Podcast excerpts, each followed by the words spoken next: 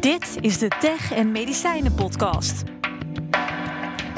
Inspirerende verhalen over genezen. Hallo, fijn dat je weer luistert naar onze podcast over tech en medicijnen. Mijn naam is Tom van Drek en ik praat met allerlei interessante gasten uit eigenlijk alle hoeken van de zorg over genezen, personalized medicine, maar natuurlijk ook een beetje over politiek, geld en de meest geavanceerde technologieën en innovaties. Vereniging Innovatieve Geneesmiddelen maakt deze podcast mogelijk omdat zij het belangrijk vinden dat BNR-professionals uit het medische veld allerlei mensen aan het woord laten over zaken die vaak versnipperd of helemaal niet ter sprake komen. Kortom, mis het niet. Vandaag twee interessante gasten. Uh, als eerste Jolanda de Vries, hoogleraar translationele tumorbiel, immuno, tumorimmunologie. Dan moet ik het toch nog goed zeggen. Uh, Jolanda vanuit de Radboud Universiteit in Nijmegen, van harte welkom. En samen met jou is meegekomen Arjan Griffioen, hoogleraar angiogenese aan het VU-UMC Cancer Center hier in Amsterdam. Um, Jolanda, ik wil met jou beginnen, want ik denk dat heel veel mensen, je voelde mij ook al struikelen als oud huisarts over het woord. Leg eens even uit, wat, wat voor leerstoel is dat precies? Ja, translationele tumor immunologie houdt eigenlijk in dat ik me bezig hou met de immunologie van tumoren, dus van kanker. En dat ik het probeer, de translationele kant betekent dat ik probeer uh, wat we in het lab vinden, in het laboratorium of in muis, dat we dat vertalen, dus transleren, naar de patiënt. En dat maakt translationele tumorimmunologie. Oké, okay, nou we gaan er uitgebreid over uh, verder praten. Ik ga even naar je collega uit Amsterdam, Arjen Griffioen. Um, angiogenese is met vaten en zo. Leg eens even uit, wat is dat precies voor vakgroep? Angiogenese is, een, uh, is het proces van bloedvatnieuwvorming. En dat is uh, een proces wat nodig is voor het ontwikkelen van, uh, van een tumor. en het is een groot vakgebied geworden omdat men heeft bedacht dat als je dat zou kunnen remmen, dat je dan een strategie hebt om kanker te behandelen. En jij geeft leiding aan een onderzoeksgroep uh, tumorangiogenese. Dat is helemaal specifiek ja. daarop ja. gericht? Ja, correct. En jullie zijn bezig, daar gaan we zo uitgebreid over praten, met het ontwikkelen van een vaccin. Ja, correct. Hoe, hoe, even nog, hoe, hoe kwam je er? Hoe kom je uiteindelijk in, in deze superspecialistische hoek terecht? Ja, um, dat is een goede vraag. Um, ik, ben, uh, ik heb medische biologie gestudeerd. En um, op een gegeven moment me gespecialiseerd in de immunologie. En toen ik mijn eerste postdoc deed, toen was er een groot onderzoeker in Boston. En die zei: um, eigenlijk kun je die hele biologie van de, van de tumorcellen achterwege laten als je je realiseert dat tumorcellen gewoon bloedvaten nodig hebben om te groeien. En uh, als je wat zou kunnen doen tegen het groeien van die bloedvaten, dan kun je uh, waarschijnlijk dan heb je een tool om, uh, om, om kanker te behandelen. En dat hoorde ik, dat nieuws, en dat heeft mij gegrepen. En dat was ergens begin, midden van de jaren negentig, alweer lang geleden. En sindsdien proberen we geneesmiddelen te maken, of in ieder geval therapieën te ontwikkelen die gebaseerd zijn op het remmen van bloedvatnieuwvorming. Inmiddels grote subsidie van het KWF uh, binnengesleept. Dat is een beetje onaardig ja. gezegd, maar uh, ja. toch binnen. Gaat, gaat dat helemaal specifiek? Heb je al lang bedacht wat jullie daarmee gaan doen natuurlijk, hè? Ja, daar hebben we, dat staat helemaal vast. Um, en het, wat we hebben bedacht, een jaartje of vijf geleden al... is om specifieke vaccins te maken die gericht zijn tegen de tumorvasculatuur. En dat is het onderwerp van de KWF-subsidie. Oké. Okay. Ik ga even naar jouw buurvrouw Jolanda. Want uh, jij zei, uh, ja, de, de, hoe ben jij in die... Dat is ook een hele specifieke hoek. Hoe ben jij daar uiteindelijk in terechtgekomen? Ja, ik ben gepromoveerd in uh, Utrecht op uh, een dermatologieafdeling. Waar ik me bezig hield met uh, eigenlijk allergieën. En daarna ben ik naar Nijmegen gegaan. En daar was toen net de mogelijkheid om, om dendritische cellen te kweken was echt een hele nieuwe mogelijkheid. En dendritische cellen zijn eigenlijk de cellen die bepalen wat er in het lichaam gebeurt. Of een lichaam tolerant is, of dat het uh, lichaam aangezet wordt om uh, virussen of bacteriën op te ruimen. En uh, in die tijd was het heel hot, omdat het net mogelijk was in hele grote getallen te kweken. En ze ook terug te geven aan patiënten met kanker, om zo een uh, respons tegen kanker op te wekken door die dendritische cellen.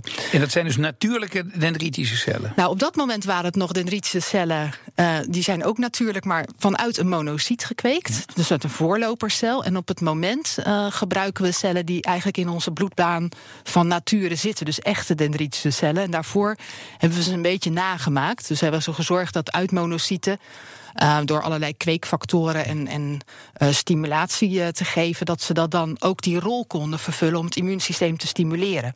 Maar het blijkt wel dat onze van nature aanwezige cellen in de bloedbaan, dat die beter zijn of het echt wel beter doen dan wat we voorheen probeerden. Um, grote prijs voor gekregen ook uh, vorig jaar, mee beloond. nou doen jullie twee verschillende dingen en eigenlijk doen jullie hetzelfde, want jullie willen vaccins ontwikkelen uh, tegen kanker, mag ik zeggen. Zit er enige strijd tussen jullie? Je zaten vriendelijk aan de koffienet, maar zit er enige strijd? Wie begint?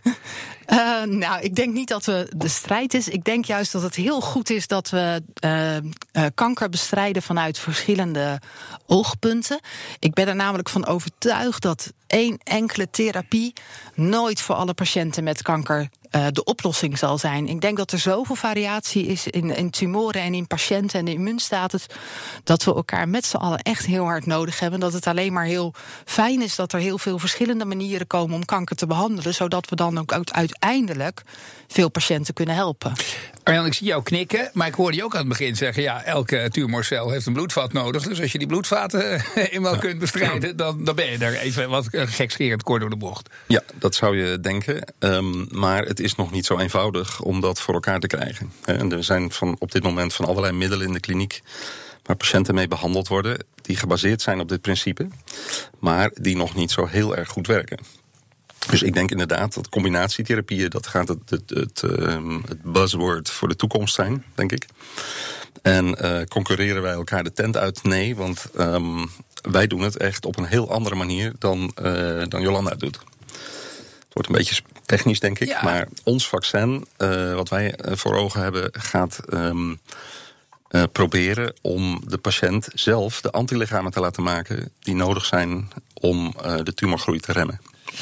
Maar hoe vinden jullie elkaar? Want jullie kennen elkaar. We hebben in deze reeks al ongelooflijk veel uh, hooggeleerde mensen langs gehad... die op fantastische manier, op allerlei manieren bezig zijn. Hoe gaat dat elkaar vinden? Is daar een soort platform waarin jullie elkaar gaan vinden? Of, of blijven we voorlopig nog even doorzoeken? Nee, we hebben natuurlijk voor, zeker voor jonge onderzoekers, uh, hebben we meetings in Nederland, ook onder andere door het KWF gefinancierd en door NWO, dat, dat mensen bij elkaar kunnen komen. En ook door de Nederlandse Vereniging van Zodat mensen zoveel mogelijk, zeker op jonge leeftijd, van elkaar kunnen leren. En, en juist als je als als promovendus leert om met veel verschillende mensen te praten, leer je daar ook later, kan je daar heel goed van profiteren. Uh, natuurlijk uh, concurreer je met z'n allen ook om dezelfde subsidiepot. We noemden net al even het KWF. Uh, ja, dat, dat, dat werkt zo. Uh, maar ook daar leer je natuurlijk met z'n allen heel veel van. dat, je, dat je daar, ja, als je een goed project hebt en, en dan gunnen je collega's die het ja. beoordelen, namelijk, die gunnen dan ook dat jij daarmee aan de slag gaat en dat dat wat oplevert. Dus ik denk zeker dat we elkaar wel vinden. Uh, misschien nog te weinig, maar dat, dat komt ook omdat je, nou, jij, jij probeert het lichaam antilichamen te laten maken. En ik probeer juist om het lichaam T-cellen te laten maken. Uh, ja, tot nu toe heb je dat nog niet samen gedaan. Maar het komt ook deels omdat ik in, het mensen, in de mens ja. werk. Dus echt met patiënten en jij in de muis. En dat dat ook al lastig combineren is. Maar um, Arjan, wat, het is, natuurlijk, is het ook aan de andere kant goed... dat er zoveel verschillende manieren zo diep wordt doorgezocht? Omdat, uh, zoals eerder gezegd, de oplossing waarschijnlijk niet heel eenduidig zal zijn. Ja, zeker. En uh, het immuunsysteem bestaat uit die verschillende takken... die we zojuist uh, hebben beschreven. En ik kan voorzien dat uh, de dendritische celvaccinatie die uh, Jolanda ontwikkelt, straks gecombineerd zou kunnen worden met een strategie van vaccinatie tegen de tumorvasculatuur. Even over dat vaccin. Want als een gewone Nederlander het woord vaccin hoort, denkt hij: ha, mooi, ze hebben wat uh, gevonden. Het, het, is op dit moment nog in ontwikkeling. En verbeter me als het niet. Voor mensen die de ziekte al hebben. Zeg ik het zo goed? Uh, begin, jij eens even met je, ja, met je dendritische natuurlijke ja. Ja. Wat doen jullie? Uh, Als een nou, gewone luisteraar denkt, ha, er is wat nu. Ja, vaccins kun je natuurlijk... Uh, ja, vaccineren betekent eigenlijk dat je een immuunrespons aanzet... tegen iets wat je niet wilt. wat we tot voor kort heel veel deden... was in patiënten die kanker hadden... om die te vaccineren. Want dan wisten we wat het specifieke antigeen was. Dus het specifieke kanker-eiwit was... waar we tegen moesten vaccineren. Recent zijn we wel ook toegegaan naar patiënten waarbij de tumor verwijderd is. Dus dat er geen tumor meer is en dan te vaccineren. Omdat vaccineren, ja, we doen het ook voor als je naar het buitenland gaat of uh, tegen allerlei uh, bacteriën en virussen op jonge leeftijd. Omdat dan het immuunsysteem nog zo goed werkt. En een tumor kan gewoon het immuunsysteem eigenlijk om zeep helpen. Die zorgt ervoor dat het immuunsysteem minder goed werkt. Dus het vaccineren bij patiënten die geen tumor hebben, is echt een stuk makkelijker dan het vaccineren bij patiënten die een tumor hebben. Maar even, dat is de laatste is een groep waarbij de tumor verwijderd Weggaat. is of een tumor gehad hebben. We komen Ja. zo even terug op. Ik ga eerst naar je buurman. We komen ook natuurlijk bij de gezonde mens, zeg maar. Arjan, wat, want eh, jullie doen hetzelfde, en jij op een andere manier, maar ook mensen Ja. die in aanraking geweest zijn met. Ja, dus eh, ons vaccin is in eerste instantie zal dat een, eh, een therapeutisch vaccin zijn. eh, wat gebruikt kan worden voor mensen die kanker hebben. Ehm, maar onze strategie is in zoverre redelijk bijzonder dat we geprobeerd hebben om moleculen te vinden waartegen we willen vaccineren. Die tot expressie komen op bloedvaten die er al zijn voordat een tumor eh, kwaadaardig wordt. En als dat, als dat efficiënt kan, dan. ehm, en dat, eh, laten we zeggen, als je op dat moment al efficiënt kunt ingrijpen, dan kun je eigenlijk kanker voorkomen. Dat is onze inzet van, van dit eh, grote project ook wat we gaan doen. Ehm, en daarmee wordt het dus echt een preventief eh, kankervaccin. Nou zal de Nederlander die de krant leest het woord vaccin vertalen van ze, ze hebben iets tegen kanker, hè, even, even zo. En die zal aan denken van nou nog even en dan gaan we ook gewoon gezonde mensen die op straat lopen, daar kunnen we iets mee doen. Is dit hele ver, Arjan, begin bij jou nu, is het hele ver weg muziek of, of is muziek waar ik helemaal niet aan moet denken? Dat is eh, op zich heel ver weg muziek. Ehm, want het is niet zomaar makkelijk om eh, dingen te proberen in gezonde mensen. Eh, maar wij denken wel degelijk dat het op deze manier, hè, als je een vaccin maakt wat gericht is tegen eh, nog niet kwaadaardige tumoren, dus als we dus nog niet over kanker spreken, ja, dat je dat ehm, zou kunnen toepassen in gezonde mensen. En dat is, wordt natuurlijk heel lastig om dat in gezonde mensen te gaan testen.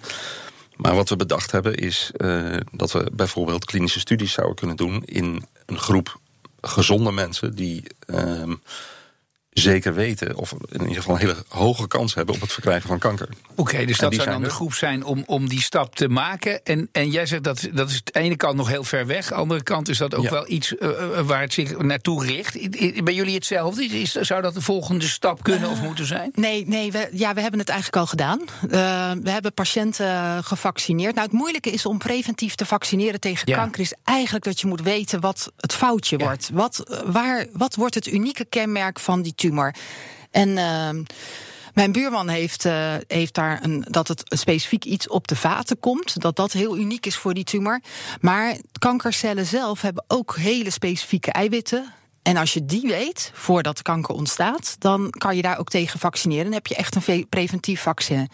En dat hebben we gedaan bij eh, patiënten met Lint-syndroom. Dat zijn patiënten die een eh, hele hoge kans hebben op eh, colorectaal kanker. Op vrij jonge leeftijd, rond de 50 jaar, hebben ze 80% kans om daar toch die tumor te ontwikkelen. En wat we gedaan hebben, is dat we weten waar de foutjes terechtkomen. En dat kan je in DNA, als er heel veel repeats zijn, dus heel veel eh, gelijksoortige aminozuren, dan is er eigenlijk een overschrijffoutje. En komt juist daar eh, een antigeen tot expressie, wat dan uniek is. Dus het is echt een mutatie dat er dan gebeurt. En als je daarop aangrijpt, dan, of een immuunrespons Ja. tegen dat stukje, dan kan je dus zorgen dat die kanker niet uit kan groeien. En dat hebben wij gedaan bij eh 20 vrijwilligers. Dus eerst bij patiënten die die vorm van tumoren al hadden. Daar hebben we laten zien dat het veilig is, dat het geen auto-immuniteit veroorzaakt, dat de mensen niet dat er iets anders raars is. Dus dat hebben we de veiligheid aangetoond. En daarna hebben we twintig vrijwilligers van heel verschillende leeftijd, maar allemaal met dat Lynch-syndroom, hebben gevaccineerd. En dan zien we ook dat als deze mensen die hebben nog geen kanker, dat je heel goed een respons tegen die nieuwe te vormen eiwitten aan kan zetten. Dus eigenlijk leggen jullie mij uit, we ge- we gebruiken het nu bij mensen die het al hebben. We, we streven ernaar hoe vroeger je mensen kunt opsporen die in aanmerking komen voor, hoe beter het gaat. En die allerlaatste stap, dat we de hele wereldbevolking ermee, daar laten we gewoon, dat laten we even nee, rusten als nog. mensen een genetische afwijking hebben, zodat we weten waar het komt, Ja. dan daar hebben we nu tegen gevaccineerd. Dus Maar dat is wel echt preventief. Als we dan jullie onderzoek weer combineren met mensen die op gentherapie aan het onderzoeken, al die DNA-dingen, gaat dat dan ook allemaal in elkaar grijpen? Want er komen hele genpaspoorten eh, en dan weet ik mijn genfoutje wel of niet. Of, of, of is dit eh, te eenvoudig gedacht? Ja, mag je allebei beantwoorden als je het niet eenvoudig vindt hoor. Nou, dit is geen eenvoudige vraag. En ik denk dat de toekomst zal ook moeten uitwijzen hoe dat gaat. Ehm, de aanpak die wij gekozen hebben, ehm, is eigenlijk volledig onafhankelijk van het tumortype waarover we praten. Ja. Want die bloedvaten, dat is een, een, een eigenschap van iedere tumor. En uh, als we daar tegen die uh, ontwikkeling uh, wat kunnen doen, dan gaat dat effectief zijn in ieder tumortype. Zou die dus heel breed en als we, kunnen als we zelfs preventief denken, dan, ja, dan gaan we zelfs ieder type tumor voorkomen. Ja. Um, als we over 25 jaar allemaal een DNA-paspoort, uh, dat zeg ik niet, maar dat zeggen allemaal mensen. Hebben we dan ook allemaal ons eigen uh, vaccin? Is het personalized uh, vaccins? Hebben we die dan, Jolanda? nee, want ik denk dat de tumor altijd weer ehm, nieuwe foutjes maakt. Want het, de foutjes in die tumoren, waardoor die, die eigenlijk kunnen ontsporen, zijn ook altijd vaak random. Dus je kan dat niet allemaal voorspellen. Wat ik wel denk is dat als we als technieken nog wat verder zijn, en, en er zijn al studies met dat je gewoon precies weet wat het unieke is aan zo'n tumor, dat je daartegen een respons kan opwekken. En dat wordt nu bijvoorbeeld in Duitsland was er laatst een publicatie, daar hebben ze dan tegen een vaccin gemaakt. Dat is, maar dat is heel patiëntspecifiek. En de technologie is op dit moment nog niet zo ver dat we dat ook echt in de dagelijkse praktijk toe kunnen passen bij elke patiënt met kanker. Maar ik denk dat er dusdanig veel geautomatiseerd gaat worden in de toekomst dat we daar echt wel hele grote ja. stappen kunnen maken. Als we dan naar de, uh, even zeg maar van het onderzoek kijken naar hoe we dat toegepast krijgen in de wereld. Um, um, hebben we daar, um, Arjan, begin bij jou. Zijn er grote bedrijven bij nodig? Is, is dat de enige manier om het ook worldwide uh, ergens door te ontwikkelen? Dat is eigenlijk de, de praktijk uh, van nu. Dat daar grote bedrijven bij nodig zijn. Omdat uh, na het ontwikkelen van een, een geneesmiddel of van een vaccin... wat het in preklinische studies, in muizen of in andere proefdieren goed doet... dan wil je dat ontwikkelen voor de markt. En dan moet je uh, bij de wet fase 1, 2 en 3 klinische studie doen. En dat kost een heleboel geld... En ik denk dat we kunnen zeggen dat dat gemiddeld gesproken een 500 miljoen euro gaat kosten. Um, dat soort bedragen krijg je heel erg lastig uit andere bronnen dan farmaceutische industrie. En dan zeg je, dan moeten we dat gewoon met elkaar gaan ontwikkelen. De, de, zijn die stappen er al of is het nog niet zover? Nou, zeker. Um, de vraag is of we dat geld uit de farmaceutische industrie moeten krijgen. Of dat we kunnen proberen om dat geld um, ja, uit de overheid of uit uh, kleinere investeerders te krijgen. En ik denk dat het de moeite waard zou zijn, en zeker in het geval van het soort vaccins wat wij ontwikkelen, um, om te kijken of we die financiering um, elders kunnen onderbrengen zodat het iets minder geld gaat kosten. En dat we straks ook van de discussie af zijn dat een geneesmiddel uh, meer dan 100.000 euro per patiënt per jaar moet kosten. Want dat zou zijn, we zeggen, dan, dan wil ik waarborgen dat de, de toepassing van het vaccin straks voor een prijs kan die toegankelijk is. Ja. Dat is een belangrijk. Ja, dat is de inzet. J jij ja. knikt. Hoe, hoe, hoe, ver zijn jullie? Of, of zit jij, zeg je, ja, wij zitten in een hele andere hoek? Want, want je doet een aantal uh, dingen. Nou, we, zitten, we zijn. Uh, Uh, we zijn natuurlijk ook begonnen met kleine studies in het laboratorium. Ja. En daarna hebben we, wat in Nederland wel lukt, is uh, financiering te krijgen voor een fase 1 en voor een fase 2 studie. Omdat je dan iets nieuws probeert uh, in patiënten met kanker. En daar kan bijvoorbeeld het KWF behulpzaam zijn, of NWO, of de Europese Unie kan daar. eh, ja, dat zijn bedragen dat je daar wel zou kunnen krijgen. Het lastige wordt op het moment dat je eigenlijk hebt laten zien in een kleine studie dat het werkt, is de stap naar een grote fase 3-studie, gerandomiseerd met honderden patiënten, wat eigenlijk de pharma moet doen, of dat dat ja, normaal gesproken door pharma wordt gedaan, dat dat lastig te financieren is. En daar is het ministerie ook mee bezig geweest. En daar zijn ze, ja, het KWF is ermee bezig geweest en NWO, maar dat is echt een hele moeilijke stap. Nou heeft. Uh, dus de, minister Schippers ja. uh, dat ooit een, uh, een voorwaardelijke toelating basispakket uh, in het leven geroepen. En daarbij wilden ze eigenlijk heel graag faciliteren dat juist die laatste stap, die voor academici of voor universiteiten en UMC's gewoon niet op te brengen is, dat dat wel op te brengen zou zijn. Dus op het moment dat je hebt bewezen in een fase 2-studie en je hebt echt genoeg data om te laten zien dat er echt hoop is dat dit het gaat, ja, dat dit ja. echt een effect kan hebben in patiënten, kon je daar financiering voor aanvragen. En dat hebben wij ook gekregen. En in dat kader kunnen wij nu als academisch centrum, samen met Zwolle en met het Erasmus MC en het NKI, kunnen wij zo'n grote studie opzetten.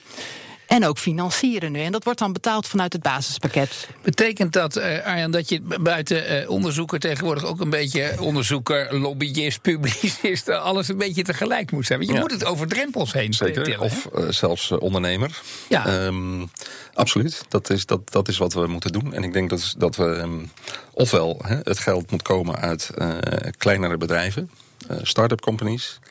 We zijn zelf ook uh, binnen VUMC met een, een start-up company bezig. Um, en dan te kijken of je die, die derde stap, hè, die derde fase van het, van het klinisch testen van geneesmiddelen, of je die um, in eigen beheer kunt doen.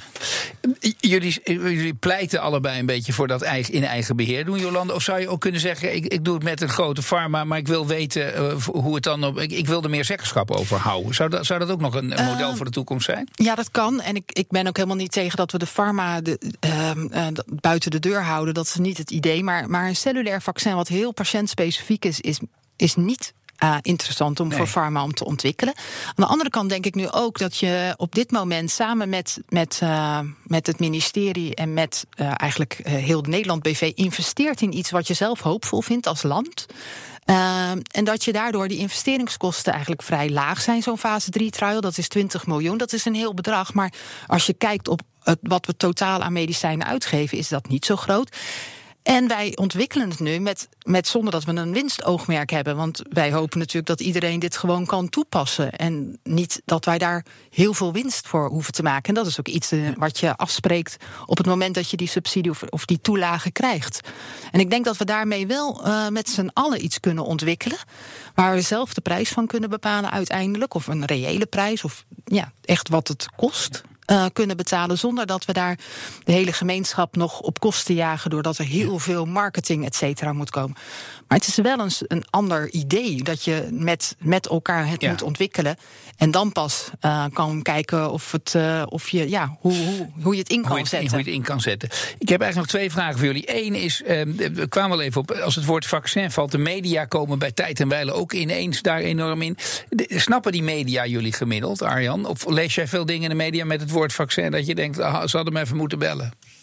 Mm, nee, dat denk ik niet. Ik denk dat ze het heel goed begrijpen wat een vaccin is. Het is natuurlijk wel inderdaad uh, de media en het publiek verwacht bij het woord vaccin ja. iets waarbij je iets gaat voorkomen. Hè. Iedereen weet van de bof en de mazel en de rode hond. Dat, is, dat zijn vaccins. Um, maar ja, in ons geval, wij proberen ook uh, precies dat. Wij proberen het te gaan voorkomen. Ja, maar, kun je, maar je moet wel vaak uitleggen dat het dan voor die groep mensen is die. En, en dat misverstand, is, is dat helder genoeg? Of komt dat bij tijd en wijle nog dan voor dat mensen hopen dat jullie uh, de hele wereld een kankervaccin ja, kunnen nee, nee, ik heb ook al de vraag gekregen, omdat wij een vaccin tegen melanoom maken. Kunnen we nu gewoon ja. dan onbeperkt in de zon gaan liggen en verbranden? En toen dacht ik, nee, dat is echt niet de bedoeling. Maar dat zijn wel de dingen die je moet blijven uitleggen.